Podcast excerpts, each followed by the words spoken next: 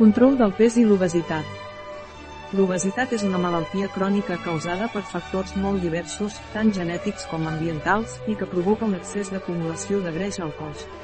No es tracta d'un simple problema estètic, sinó que constitueix una veritable amenaça per a la nostra salut, ja que incrementa les possibilitats de patir altres malalties com diabetis, colesterol, hipertensió, malalties articulats, de la vesícula biliar, coronàries i respiratòries, entre d'altres, CAUSS de l'obesitat aquest problema de salut, qualificat per l'OMS com l'epidèmia del segle XXI, té l'origen en causes que van des de l'herència genètica, els trastorns endocrins, la influència del medi ambient, els problemes del sistema nerviós, el tipus d'alimentació o l'activitat física.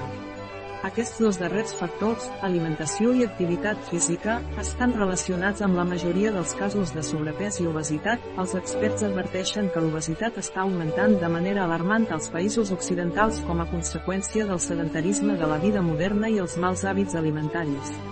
Es creu que els propers 20 anys el nombre d'obesos es duplicarà. En l'actualitat, aquesta malaltia afecta més de 2 milions d'espanyols i és més freqüent en les dones que en els homes. Un 43% de la població espanyola entre 20 i 65 anys pateix excés de pes o obesitat.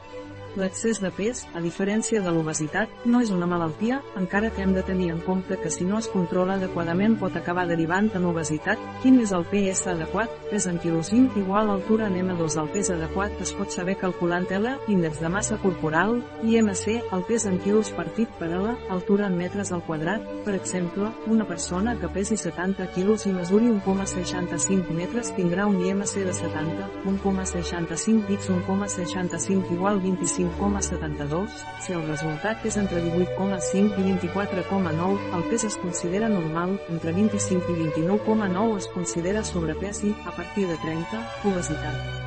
A més a més, a partir de 30, s'incrementen les possibilitats de patir determinades malalties.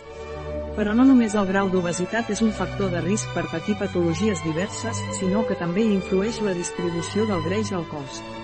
Així, quan s'acumula més a nivell abdominal hi ha més risc de desenvolupar diabetis i malalties cardiovasculars, i quan el greix s'acumula a nivell de glutis i cuixes, els problemes associats no són de tipus metabòlic sinó més aviat estètic i localitzats a nivell dels membres inferiors, circulació, artrosi de genolls, et. PSNORML i MC igual 18,5 menys 24,9 sobrepesint igual 25 menys 29,9 obesitat igual major que 30 la prevenció tot i que els factors genètics no es poden modificar, sí que podem incidir en el cas dels factors ambientals, sempre podem intentar portar una dieta equilibrada i mantenir una activitat física adequada a les característiques de cada persona, és molt important tenir en compte que una vegada establerta l'obesitat és molt difícil revertir-la i cal un gran esforç i constància. És per això que es diu que la millor manera de tractar l'obesitat és prevenir-la, la prevenció ha de començar des de la infància, educant els nens perquè aprenguin uns hàbits alimentaris correctes i promovent la pràctica d'exercici físic des de petit. Aquest aprenentatge infantil és fonamental perquè condicionarà els hàbits de l'adult. Altres períodes en què hi ha una tendència a guanyar pes són l'adolescència, l'embaràs, la mitjana edat en les dones i després de casar-se els homes. Algunes RC o MNC i UNS la primera regla en matèria d'obesitat és no permetre's engreixar-se. Per prevenir-la haurem de portar una dieta equilibrada i fer exercici de forma regular, en funció de l'edat i de les característiques físiques individuals, per exemple practicar gimnàstica, natació o simplement caminar, per aprimar-se, és fonamental portar una dieta equilibrada, menjant de tot però amb moderació i en funció de les necessitats energètiques de cadascú. Els àpats s'hauran de repartir en 4 o 5 al dia, evitant picar entre hores.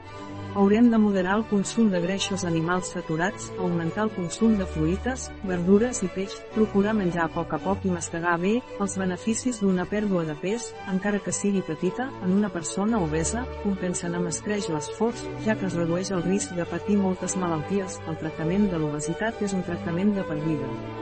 Requereix esforç, constància i estar disposat a modificar els hàbits alimentaris. No hem de confiar en productes, miracle, ni en les dietes màgiques que ens aconsellen persones no expertes. El consell alimentari ha de ser sempre individualitzat, font farmacèutic online. Com és control del pes i l'obesitat. Un article de Catalina Vidal Ramírez, farmacèutica, gerent de Biofarma, és. La informació presentada en aquest article no substitueix de cap manera l'assessorament d'un metge, qualsevol menció en aquest article d'un producte no representa el suport dels objectius de desenvolupament sostenible a aquest producte.